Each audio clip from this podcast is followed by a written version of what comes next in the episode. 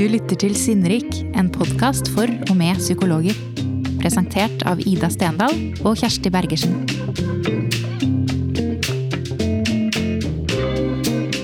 Som 14-åring leste jeg American Psycho av Brett Easton Ellis, og kjente på blandingen av avsky og fascinasjon som temaet psykopati ofte vekker i oss. Et søk på Google støtter opp under dette. Slik avslører du en psykopat, er du sammen med en psykopat? Og slik er den kvinnelige psykopaten, er bare noe av det som dukker opp når jeg søker på begrepet. Omtalene preges av en avstand. Psykopaten beskrives nærmest som en egen art, noe kvalitativt forskjellig fra oss i anførselstegn vanlige mennesker. Selve ordet psykopati betyr sykdom eller lidelse som rammer sinnet. Og hvis vi tenker oss at dette er mennesker som er psykisk syke og som trenger hjelp, hvorfor snakker vi da om dem på denne måten? Jeg kan ikke komme på noen andre pasientgrupper det er greit å kalle manipulerende, onde eller ute av stand til å endre seg.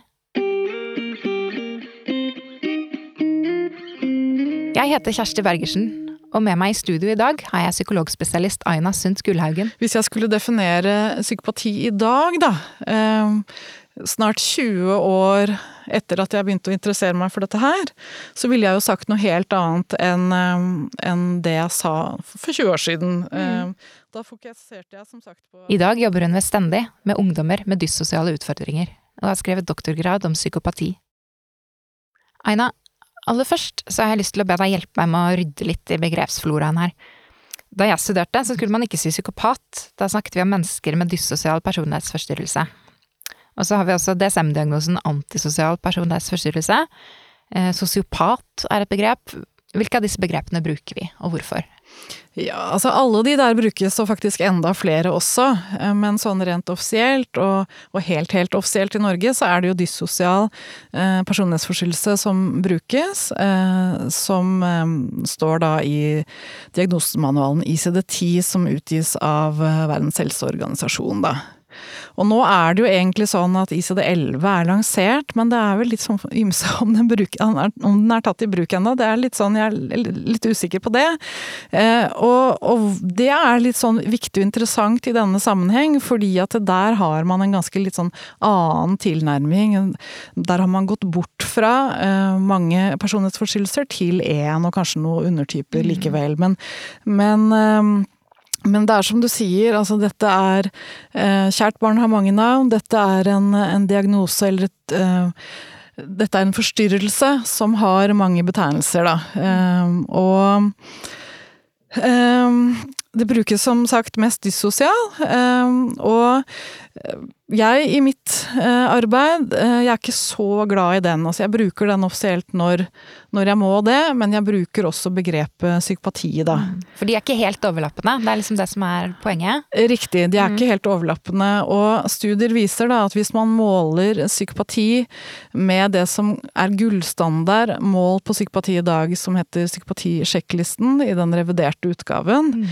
Hvis du scorer høyt på den, eh, så scorer du gjerne Eh, på flere, eh, eller på enkelte kriterier i hvert fall, av flere av de eh, offisielle personlighetsforstyrrelsene, ikke kun den dyssosiale, som, som psykopati ofte jamføres med, da. Mm. Så psykopati, når jeg bruker det, det er på en måte noe mer enn en dyssosial, da. Det er noe mer affektive, relasjonelle trekk eh, som, enn det som fanges opp av den dyssosiale, da.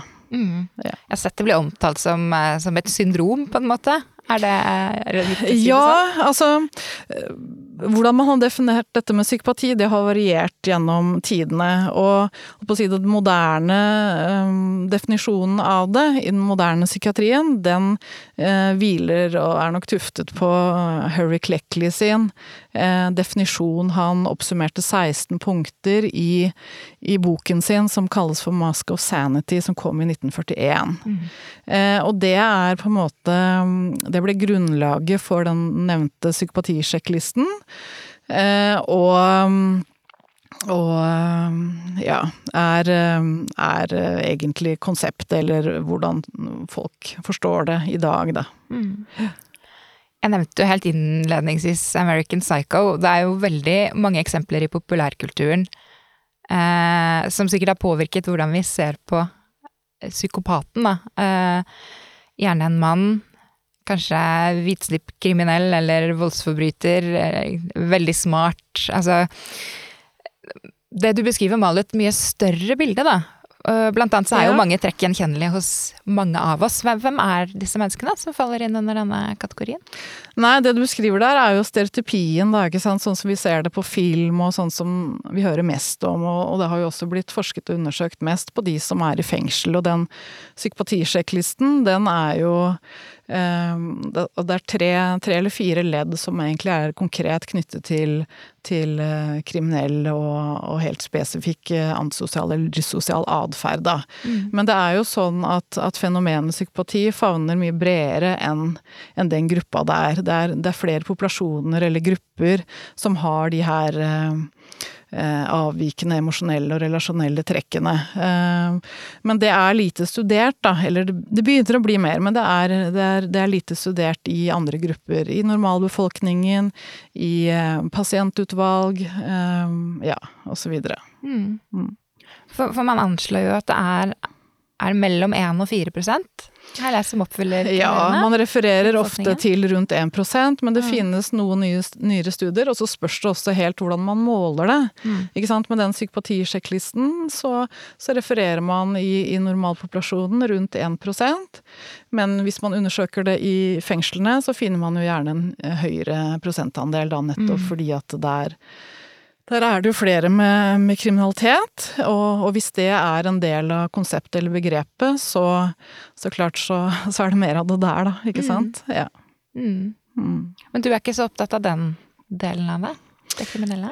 Ja, altså det har vært en, en diskusjon på feltet i ganske lang tid om dette med kriminalitet, eh, spesifikk kriminell atferd eller antisosial atferd, om det skal inngå i konseptet eller ikke.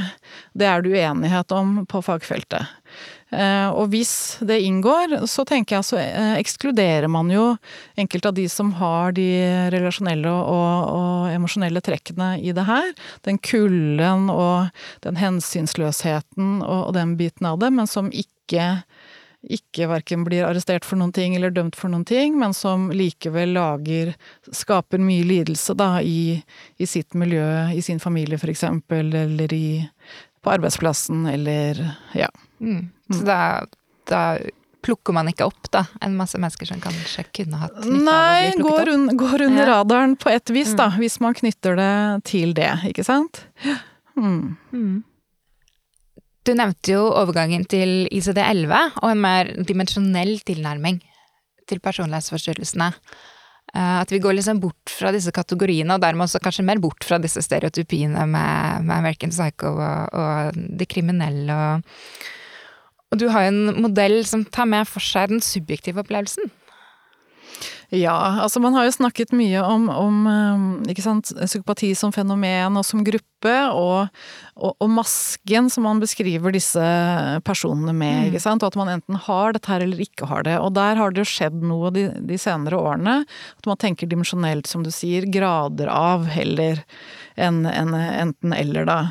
Um, og, og, da, hvis man først på en måte er inne på grader av, så kan man jo tenke da at det er At det påvirkes av noe, at det er en miljømessig komponent. Kanskje i tillegg til den konstitusjonelle defekten som man på en måte har eh, i hvert fall knyttet veldig sterkt til, eh, til de mest psykopatiske frem til relativt Nylig, da. Ehm, og nyere studier viser jo at eh, man tenker at både temperamentsmessige faktorer, men også miljøbetingelser er med og, og skaper det, eh, det, psykopatiske uttrykket. Ehm, og så, har man mye bedre studier nå, mye mer nyanserte studier nå enn tidligere når det kommer til den miljøbiten. Altså, altså hva, er det, hva, er det, disse personene eventuelt opplever som gjør at de kan utvikle seg i denne retningen. Der man mm. før kanskje undersøkte ja, er det, er det psykiske lidelser i, i, familien, hos foreldrene, så er man nå mye mer nyansert og går inn og ser på hva slags helt konkrete miljøbetingelser. F.eks. grad av varme og omsorg, og, og, grad av kontroll eller frihet. Den mm. type ting. Um, eh, Ja, du- som kan påvirke dette her. Ja, for du sier jo utvikle seg, og i det ligger det også en tanke om at her er det, det er noe som kan endres, på en måte, eller stoppes. Altså det blir jo et litt mer optimistisk uh, Ja, bilde av det. Eh, det er det nok, og det har skjedd mye på dette feltet. Da jeg begynte, så, så snakket man jo, så var jo jeg på forelesninger ikke sant, hvor det ble sagt at ok, er det først er det først psykopati, så er det nærmest sånn at man kan låse dem inn og kaste nøkkelen, ikke sant. Mm. Det ble gjentatt da, av, av, eh, av de som kunne det, ikke Mm. sant. Eh, Men det har skjedd mye eh, de senere årene. Akkurat så, altså parallelt med da at nei, psykoterapiforskningen, mener jeg, har utviklet seg, og, og forståelsen av, altså generelt av mennesker og menneskers fungering, f.eks. emosjoner, har jo også utviklet seg de, de senere årene. Så, så summen av alt dette her, kan man tenke seg, da, det, det har medført at man ser litt annerledes på det. Og i tillegg til det så vil jeg eh, kanskje trekke fram at man har gått ganske sånn eh, grundig igjennom en del av de psykopatistudiene, eh, eh, forsøk på å behandle, som, som ble utgitt for en del år tilbake, og som konkluderte da, noen av dem, med at at eh, de blir verre, eksempel, av, eh, av behandling. Og så har man gått inn i relativt, altså i, i nyere tid, de siste ti pluss årene kanskje, Eh, og så har man sett nærmere på både hva de faktisk ble tilbudt eh, av behandling, men også på metodekvaliteten på de ulike studiene. Og så har man sett at i en god del av disse studiene så kan man egentlig, egentlig ikke konkludere sikkert da, med at, at dette ikke kan behandles. Så det har, det har skjedd mye da, eh, de siste årene. Mm. Ja, for bildet av eh, psykopater så langt har jo ofte handlet om disse i fengsel, ikke sant. Altså, det handler mye om hva, hva slags lidelse de påfører andre, mens du har sett mer på den lidelsen de påfører seg selv, eller den som ligger til grunn. For det de For det påfører de gjør, andre. ja, nemlig, ja. ja altså, jeg, jeg, altså grunnen til at jeg begynte med dette her, tror jeg, eller kanskje flere grunner, men jeg har alltid vært interessert i, i drivkrefter i mennesket. Og det er jo litt sånn fun fact, da, men jeg leste André Bjerkes bøker på videregående. Skrev Mm. sånn særemne om det. Og han, det, dette var jo kriminalromaner med sånn psykoanalytisk, Mm, mm. eh, dynamisk eh, tilsnitt, da. Og det fikk meg, fikk meg interessert i drivkrefter, da. De dødes tjern og Ja, ja. disse bøkene her, ikke Mm. sant. Så jeg, så jeg har alltid vært interessert i hva er det som gjør at man gjør som man gjør. Ikke sant? Og hvis man først er, da er inne og, og skal liksom finne, finne ut av om de som virkelig er slemme, så er du kanskje på en måte psykopati da, og, og sadist, eh, sadisten som kanskje er eh, ja, CMCM kanskje da, eller eh, grader av da. Men, men eh, så det er noe med da, Jeg føler at jeg kanskje har vært på en reise fordi at jeg var altså, interessert i hva som driver dette her, ikke sant. De som er, for å si det enkelt og banalt, da, de som er slemme mot andre. Eh, hva er det som driver dem? Eh, Så når jeg begynte å undersøke dette med psykopati, så hvis jeg skulle liksom definere det da, så ville jeg jo sagt ja, det er de som skaper lidelse for andre, og som ikke lider selv. De er uten empati, anger, de er kalde, de er kriminelle. Ja. Det var min forståelse da jeg startet denne reisen. da. Ja, nemlig. Den er det jo sikkert mange som deler. Mange evne til å føle skam. Og det er jo fortsatt litt, eh, litt det som er eh, det som er definisjonen faktisk i dag også, selv om man begynner å se på det med litt nye øyne. Men jeg tenkte tidlig, altså jeg, da jeg begynte, på, begynte å lese vitenskapsfilosofi eh, på, på ph.d.-programmet, så leste jeg jo om Karl Popper og sant, det at man skulle ha dristige hypoteser. og og utfordre liksom sannheten, ikke sant. Og så tenkte jeg ganske sånn tidlig at det er vans... Altså, det var ikke mine tanker, altså det er et kjent sitat. Altså, man kan ikke behandle det man ikke forstår seg på Mm, eller vet hva er, ikke sant. Så jeg tenkte da ganske tidlig at eh, vi klarer nok ikke å behandle psykopati før vi forstår hva som er vanskelig for dem. Mm. Så, så jeg, hvis man kan si da, at det har vært en, en rød tråd i mitt arbeid, så har det jo vært at jeg har prøvd å jakte på den lidelsen.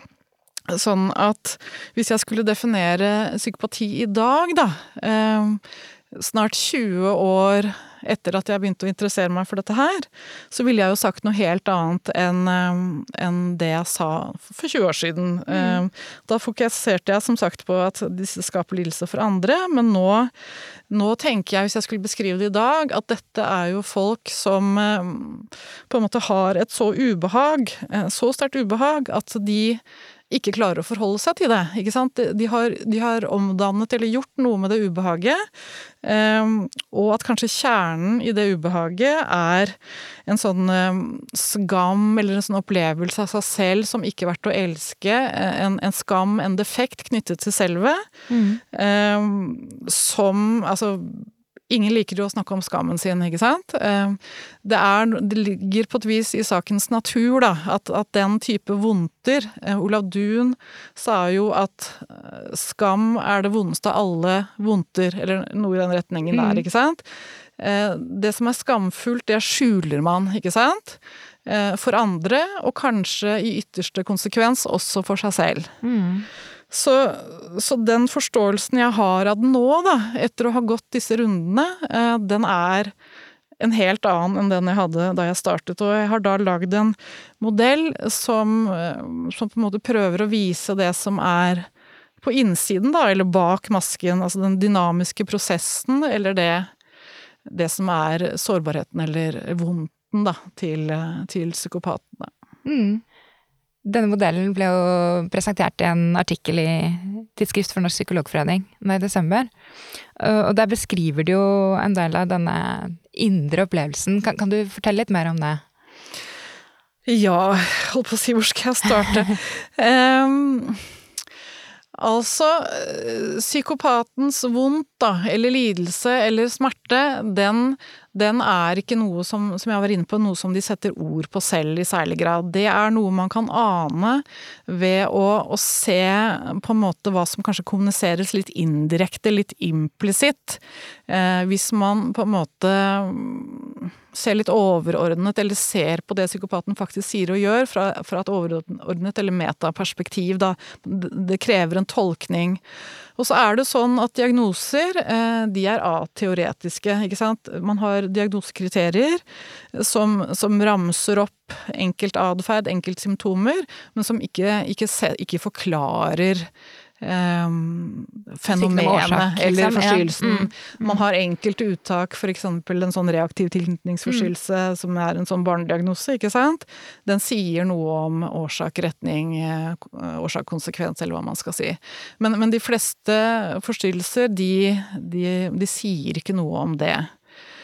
Um, så um, når man da hvis, hvis man hvis, hvis, saken er at, at, at, man har noe som er vondt, og som er så vondt at man ikke kan vise det fram, at man egentlig ikke kan sette ord på det, så, så krever det jo åpenbart svært mye eh, for andre å hjelpe den personen med det, mm. og, og, få den det gjelder til å forholde seg til det. Det er mye motstand, ikke sant? Ja, for dette er ikke mennesker som selv kommer og oppsøker hjelp og sier 'jeg har vanskeligheter med å forholde meg til skammen min', på en måte. Hvordan, hvordan, hvordan møter du dem? Hvordan, hvordan, ser det ut? Nei, altså øh, hvordan skal jeg si um, For det første så, så, møter disse gjerne ikke til behandling. Og hvis de først møter f.eks. på en poliklinikk eller eller hos en fastlege eller et eller annet sånn, eh, eller blir innlagt i, for, i forbindelse med et eller annet. Eh, noen kommer kanskje i forbindelse med en rusdiagnose. Mm. Eh, altså et annet inntakskriterium da, enn en psykopatien. Så vil jo disse, da, gitt at de kanskje ikke har helt eierskap til, til det som er vondt og vanskelig, så vil de jo komme med en, en problemstilling som ikke handler om det, og som da gjerne handler om et eller annet som andre har gjort mot dem, et eller annet som oppleves urettferdig, eller at de ja, trenger noe, da. Eh, medikamenter. Og det er jo litt interessant i seg selv, for eksempel, fordi at eh, dersom det ikke var noe vondt eller noe ubehag, så skulle man jo ikke tro at det var så attraktivt med enkelte medikamenter som det viser seg at en del i denne gruppa syns er attraktivt. Så det er en mm. sånn liten sånn tankekors, da. Eh, kan du gi noen eksempler? Ja, eh, jeg har jo jobbet på rusklinikk. Eh, og ikke bare der, men jeg hører jo fra andre også at, at eh, beroligende medikamenter, benzodiazepiner, eh, den type ting, det er etterspurt i den gruppa der. Og det, og det spørres jo med et visst affektivt trykk, da, ikke sant? At Mm, det er var en pen, pen måte å si det på. ja. Ja. Så, og, og det er jo Det, det syns jeg jo på en måte passer godt sammen med at det er noe som er Altså, det er en dybdepsykologi, da, i, i det psykopatikonseptet som jeg snakker om, i motsetning til at det bare på en måte er atferd uten at det er noe som driver det. Det er jo noe som driver dette. Mm. Og, og psykopati, en, en bit av det, er jo nettopp reguleringsvansker, ikke sant. Det å Og, og, og i det I den I det bildet så er det jo helt rimelig at man, at man ruser seg, og at man ønsker beroligende medikamenter, da. Mm. Det er ikke alle som stopper opp og, og stusser på den koblingen. Hvorfor kommer de, som er så kalde og så harde, og skal Mm. ha disse medikamentene, ikke sant? Ja, ikke sant. Det, det er jo litt sånn et motsetning ubehag der. i det. Ja. Et ubehag der, Mm. ikke sant? Du har også sagt noe om dette med å overføre skammen sin på andre. Ja, altså når, eh, når psykopaten er hensynsløs, eh, så blir andre skamfert. Vi har jo gode norske ord, eller et godt norsk ord for det. Det å på en måte Det å bli utsatt for Altså krenka grovt, da, som man kan bli av psykopaten. Da, da kan man sitte igjen med en følelse, ikke sant, at det er en selv det er noe galt med. Har man kanskje bedt om det? Er det Altså, og at at man på et vis, altså i hvert fall hvis man har vært ehm, I hvert fall hvis man har hatt nærkontakt med, med en person med psykopatisk fungering over tid, så viser det seg at man gjerne begynner å tvile litt på egen tilregnelighet, hva er egentlig hva her, ikke sant? Og, og man sitter igjen med en veldig, veldig dårlig følelse av at man er et dårlig menneske, osv., osv. Man blir skamfert, kan man tenke seg da. Um, og det er jo på en måte når man blir utsatt for, øh, for øh, Altså hvis, når man blir utsatt for personer som har store behov, og, og som på en måte eh, hjelper seg med de og de vanskelige følelsene de har, ved å overkjøre andre, ikke sant, så den skammen eller det ubehaget som kanskje først og fremst er hos den personen, det flyttes da over Altså det typiske eksempelet, som man sier, er jo liksom det holdt på å si, psykopaten som går langs en vei, da. Og så kommer det noen og ser på psykopaten på feil måte, som da igjen eh, eh, setter i gang en voldsom fysisk utagering. Det er et sånn typisk eksempel. Sender dem et blikk som de reagerer på, liksom. Ja, og ikke sant. Um, og, da, og det er interessant, for, for et blikk, ikke sant. Et blikk er ganske mye. Og la oss si, da, hvis vi, hvis vi liksom kjøper den hypotesen om at, at psykopati og psykopatisk atferd kan være skamdrevet, så er det jo noe med blikkontakt og nærhet i det. Det at den andre ser en, ikke sant, og kanskje ser på en, helt tilfeldig likevel kanskje, med, med, men med et, et visst blikk, så kan det være nok, tror jeg, da, til å avstedkomme en, en reaksjon hos enkelte som kanskje de selv ikke forstår i det hele tatt. De forstår ikke helt liksom hva, hva som skjedde nå, Mm. men de kjenner at de blir veldig provosert, rett og slett, da. Mm. Ikke sant? Av, av den personen som kommer og, og ser på dem. Og så, og så finnes det eksempler på, eller historier om at da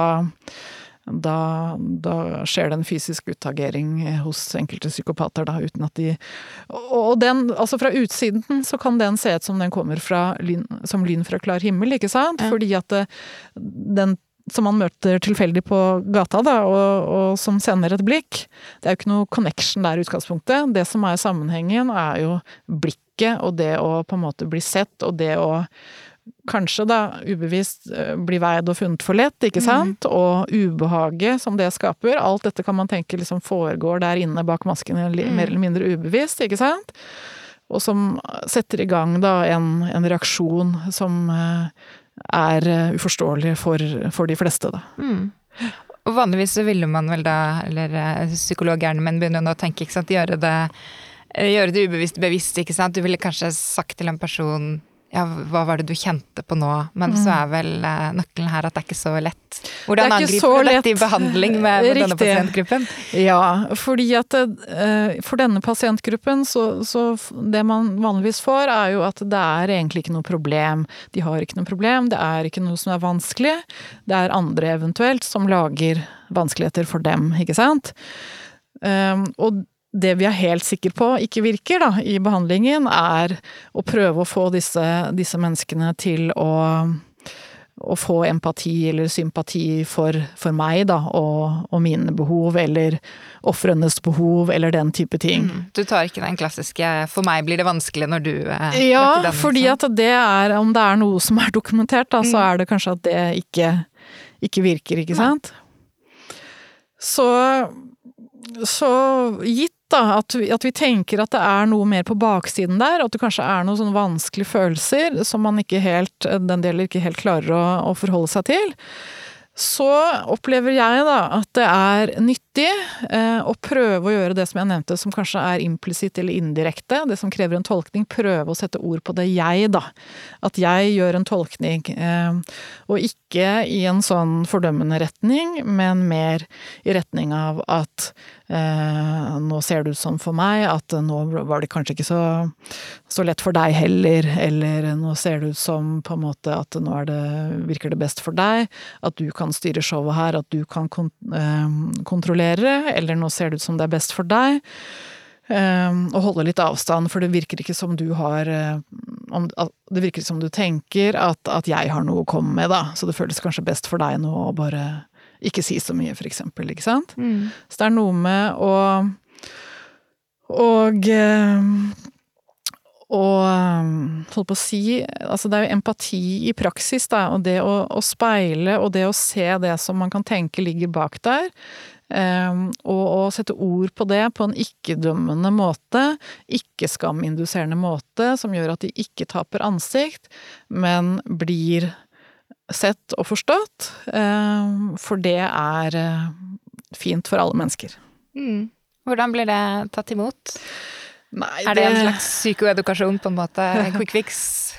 det er ikke en quick Nei. fix. Eh, erfaringsmessig så Altså behandlingsløp kan være lange, og det kan ha ulike faser. Og erfaringsmessig, da, så mange av de jeg snakker med, så er jo ikke det egentlig helt frivillig. Det er jo i i, eh, altså som konsekvens av en, av en, dom, en ungdomsstraff, en eh, At noen andre mener at det hadde vært bra for deg å, å snakke med meg, for å si det sånn. Mm. Så det er jo noe med Altså Og Altså, det er jo en veldig spennende og krevende jobb, for det er noe med å du, du, vil ha Du vil flytte et annet menneske fra et sted til et annet, og dette andre mennesket har ikke noe interesse av det, vil ikke samarbeide mm. i forhold til mm. det.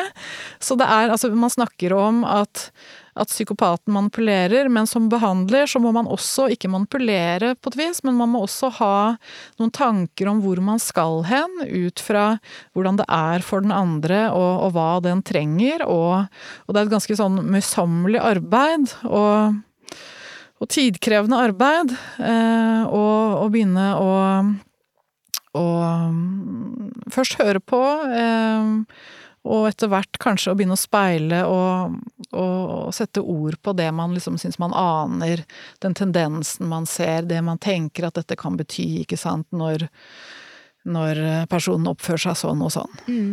Ja. Har du et atferdseksempel, eller bare Ja, altså Uh, hvis, vi tar, uh, altså, hvis vi tar tak i de stereotypiske um, trekkene, da, som mm. det ofte kalles ved psykopati, så er jo dette her med grandios, grandiositet en ja. ting, ikke sant? Uh, og uh, dem dette gjelder, de setter jo ord på, og ikke alltid setter ord på det heller, men man kan jo se det i væremåte, i klesstil, i hvordan de eh, bærer seg, altså holdning, eh, kroppsspråk, den type ting. Man kan jo både eh, man, kan, man, kan, kommunisere en grandiositet på ulikt vis, ikke sant. Så, så, det man kan gjøre, da, f.eks. hvis man snapper opp det, hvis man fanger opp den grandiositeten, så kan man si noe på en måte i retning av at ja, jeg ser det at du føler deg helt spesiell. Jeg ser det at du, at du tenker, eller at du at du har eh, behov for å vise meg at, at, eh, når det kommer til dette, så er du helt, helt spesiell. Eh, og da, hvis man er heldig, så kan man få en bekreftelse på det. At man klarer liksom å si det på en sånn måte som gjør at det treffer, og sånn at det ikke blir skummelt, og at, at man kan anerkjenne det. Andre ganger så er man ikke så heldig, og så hører man ryke og reis eller et eller annet i den eh, retningen der. Og så må man bruke mer tid på det da. Men hensikten, som jeg kanskje har vært inne på, er jo, ikke sant, å Altså hvis, med utgangspunkt i en grandiositet, da, at, at, denne personen selv er der oppe, og vi andre er der nede. Eh, så, er, så, ligger, så, ligger, det en avvisning og en, en devaluering av, av, meg, da, eller, eller oss andre. Mm. Og den eh, utfordrer jeg ikke. Men jeg på en måte speiler det her behovet for å, å være spesiell, for å være en person en, en, en vellykket mann, for eksempel. Da, en kvinne, en mm. person med integritet. Mm. Um, og så er man heldig, da, så kan, kan det liksom resonnere litt hos denne personen. Og så kan man kanskje dra det videre til å snakke om at ja, for deg er det viktig at du blir sett på det, at, at det kommer tydelig frem for alle at du er en, en person, altså en helstøpt mann, eller ja, et eller annet i den retningen mm. Og da har vi snudd det fra en grandiositet og en devaluering av, av meg, da, implisitt, til å snakke om denne personens følelser og behov. Beho mm. Følelsen av å være spesiell og behovet for å være spesiell. Og da kan man gå til fortiden, man kan snakke om hvordan har du vært tidligere, har du, hvor lenge har du følt deg sånn, altså har du kanskje har det kanskje vært motsatt på et tidspunkt, ikke sant? Mm. Er det kanskje derfor det er så viktig for deg nå, osv. Da har vi snudd det, da, fra eksternalisering, eller det å ikke ha eierskap til det som er vondt, det ikke ha kontakt med det som er vondt, til å, til å sitte og snakke om følelser og behov, mm. da. Mm. Så det er eh, metoden, kan man si da. Mm. Da har du på en måte gått fra å snakke om det ytre til å snakke om det indre. Det er sikkert ingen enkel oppgave for den som sitter der og begynne å snakke om det, som Nei. de har unngått veldig veldig lenge. Så i, i samtalene så er det, det er kanskje viktig å, å, påpeke det, da, særlig i starten, men, men også egentlig videre, så, så, må jeg bidra ganske mye. Så må jeg snakke ganske mye, og jeg tenker i det så ligger det en regulering, ikke sant. Ut fra den hypotesen at det er noen vanskelige følelser der. Um, og det som typisk kommer først, er at 'jeg vet ikke', 'jeg husker ikke', 'nei, det er ikke noe som er vanskelig', ikke sant? Det er det som kommer. Og så må man regulere, trygge, at man selv er den som, som tåler da, å sitte, sitte, der i relasjonen og, og kjenne på ubehaget, da. Ubehaget i relasjon som, eh, som, psykopaten har, og som flytter seg til de andre også i rommet. Mm. Det blir intenst, og det, og det, blir litt sånn heftig, da. Um, og og dette er ikke Jeg tror jeg aldri har opplevd at dette er pasienter som som av seg selv og, og sammenhengende og konsist forteller om det som har vært vanskelig. Det er mer at det kommer et drypp i ny og ne.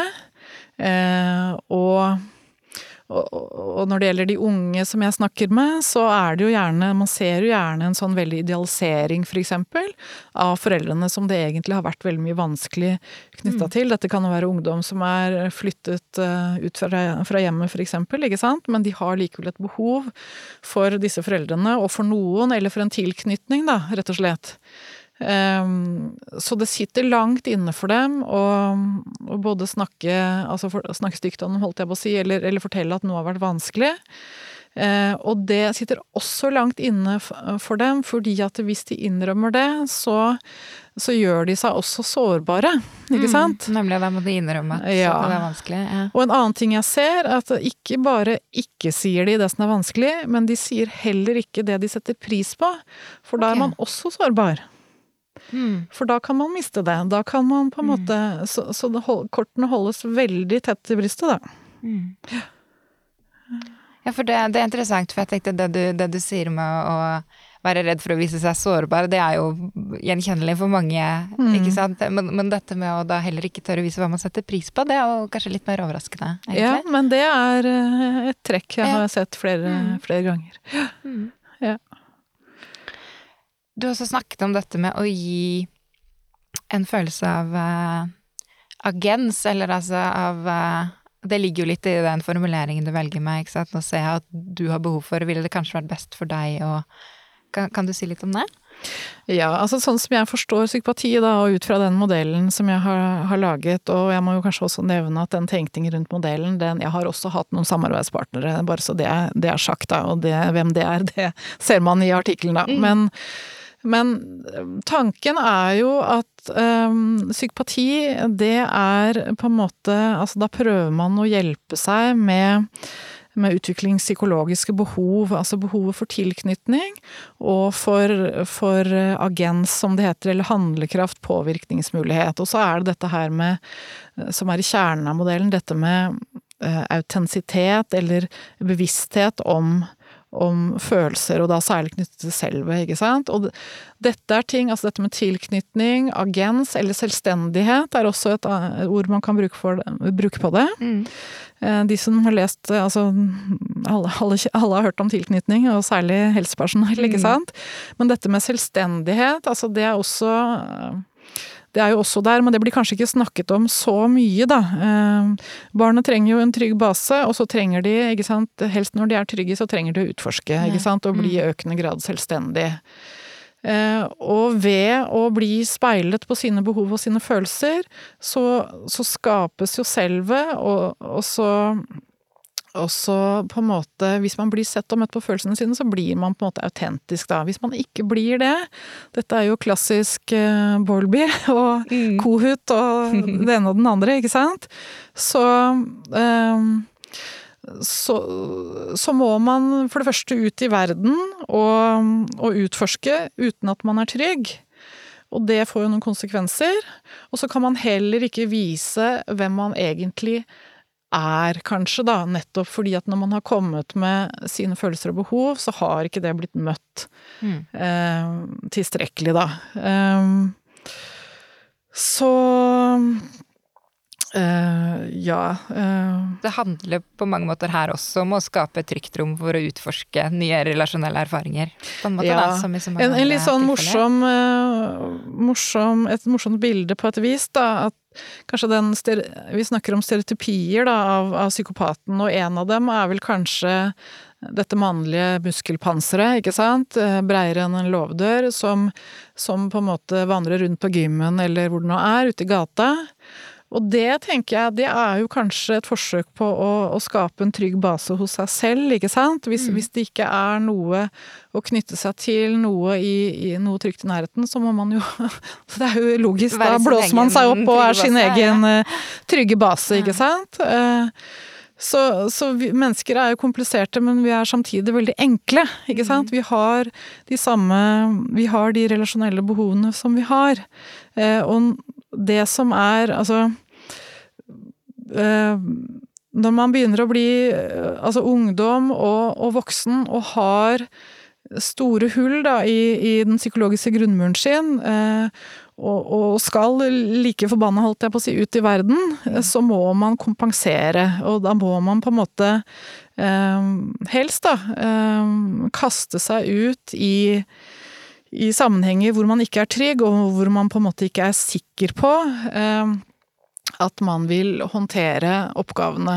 Og da står man i fare for å tape ansikt, som igjen vil potensere eller øke den skammen som man kanskje på en måte kjenner, kjenner innerst inne fra før, ikke sant? Mm. Og det ser jeg i, i arbeidet mitt. Um, altså det er man, man snakker mye om hvor dyrt psykopati er. Eh, veldig mange har gode kognitive evner, har, har en kropp som utgangspunktet virker, men mangler den handlekraften. Og det er et stort problem for enkeltpersonen og, og for Norge. Eh, at de ikke klarer å stå i jobb, at de ikke klarer å fullføre skole til tross for en fysisk frisk kropp og gode evner.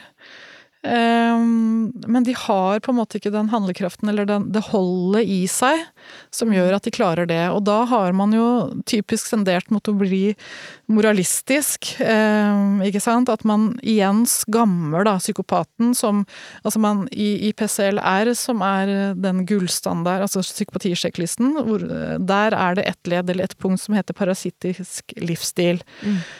Det som kjennetegner, altså stereotypisk igjen, da, mange av disse, er jo at de for eksempel snylter på andre. De Altså igjen amerik den amerikanske stereotypien, da, ikke sant. Den, den mannlige psykopaten som flytter inn eh, hos den ene kvinnen etter den andre og tømmer kontoen deres og, og bor hos dem, og så går det til helvete, og så mm. er det neste, ikke mm. sant. Um, så, så, da blir man uh, moralsk, og det er tror jeg, det har jeg tenkt litt på, det er riktig i de fleste sammenhenger, men det er helt feil i en utviklingspsykologisk sammenheng, fordi at det, eh, de prøver nok å, å, å, på en måte bidra i den grad de kan det, men de har, altså det er faktisk en del av sykdommen. Um, det at de ikke klarer å stå i arbeid, fordi at hvis de skulle stått i arbeid, så ville de møtt på et voldsomt ubehag i relasjon, og de ville møtt et ubehag i forhold til å prestere. Og med dette så sier ikke jeg at man ikke skal utfordre folk til å prøve å komme i arbeid, men det er, altså det er noe i selve kjernen av denne forstyrrelsen som går på rett og slett um, selvstendig Altså det å være et um, et, eh, et handlende menneske, da. Mm. Det er noe i mm. selve grunnstrukturen som, som er, eh, er forstyrra, og som får utrolig store konsekvenser av seg. Mm. Og som egentlig handler om en utviklingspsykologisk eh, eh, ja, hva skal vi kalle det da? Eh, det er en utviklingspsykologisk problemstilling, og ikke et moralsk problem, da, i utgangspunktet, ikke sant? Mm. Og så blir det moralsk, og det blir skamfullt å ha den diagnosen i seg selv, istedenfor at man fokuserer på eh, tilknytning og selvstendighet og handlekraft, og mm, utvikle mm. det, ikke sant? For det er jo som du sier, det er lett å ha dette moralske perspektivet, og dette er jo en gruppe som er overrepresentert på voldsstatistikken, og det, er jo en grunn til at man har den innfallsvinkelen, men det er ikke mm. sikkert at den er den mest konstruktiv innfallsvinkel når man skal prøve å I gjøre noe med det. I et terapeutisk sammenheng, mm. ikke sant. Og en ting som jeg pleier å si, da, eh, eh, er jo at jo mer dyssosiale de er, jo mer prososiale prøver de egentlig å være. Fordi at når de dominerer, så prøver de, ikke sant, å hjelpe seg med den utviklingspsykologiske um, problemstillingen som knyttes til dette med selvstendighet og handlekraft. ikke sant? At de, de vil ha det på sin måte. De syns at, at, de er berettiget til å få disse benzodiazepinene nå, liksom. Det, det tenker man at det er helt rimelig at man krever det. Um, og det, de, altså, det, er jo dyssosialt, fordi at den stakkars legen blir jo presset til å skrive ut noe som han eller hun ikke egentlig kan skrive ut. Mm. Men, men, men, psykopaten prøver jo rett og slett bare å, å, å hjelpe seg med, med ubehaget, ja, ikke sant? Og med uroen. Ja. Og så snakker man forbi hverandre, ikke sant? Mm. Mm. For du beskriver jo et møte, enten det er denne legen som føler seg presset til å skrive ut medisiner, eller, eller psykologen som sitter der som mottaker for uh, den eksternaliserte skammen. Det er på en måte ganske intense møter. Mm. Og i en episode senere i vår så skal vi mer inn på dette med sånne terapeutiske møter som på en måte utfordrer empatien vår, da, som mm. terapeut. For det, det, er jo ikke til å stikke under en stol at dette er tøffe situasjoner å sitte i. Nei, og det som jeg syns er, er, nyttig, da, eh, det er, ikke sant eh, hvis man forstår at jo mer insisterende og krevende de blir, jo mer kanskje prøver de å, å få, å få styre og få hjelpe seg med sant, behovet for å være en selvstendig person, en som kan være med å påvirke, og ikke minst det å liksom ha kontroll sant, og trygghet, den type ting. Mm.